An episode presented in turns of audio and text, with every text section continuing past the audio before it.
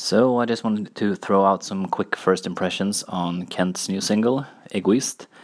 Feels a bit weird to do this in English, but uh, well, that's the way I'm doing waves, so I'll keep doing it even though I'm speaking about a Swedish band with Swedish lyrics. Uh, anyway, I've listened to the songs a couple of times now, had it on repeat for a while, and I like it. I think it's a good song. I was not a big fan of Kent's last album, Tigerdrottningen, and not the first single, La Belle Époque, either. But uh, this is a good song, and it has two two things that I distinctly like right now.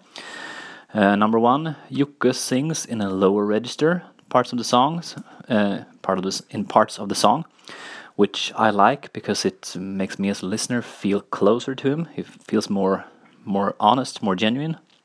So I like that, and it also has that typical Kent groove in the chorus.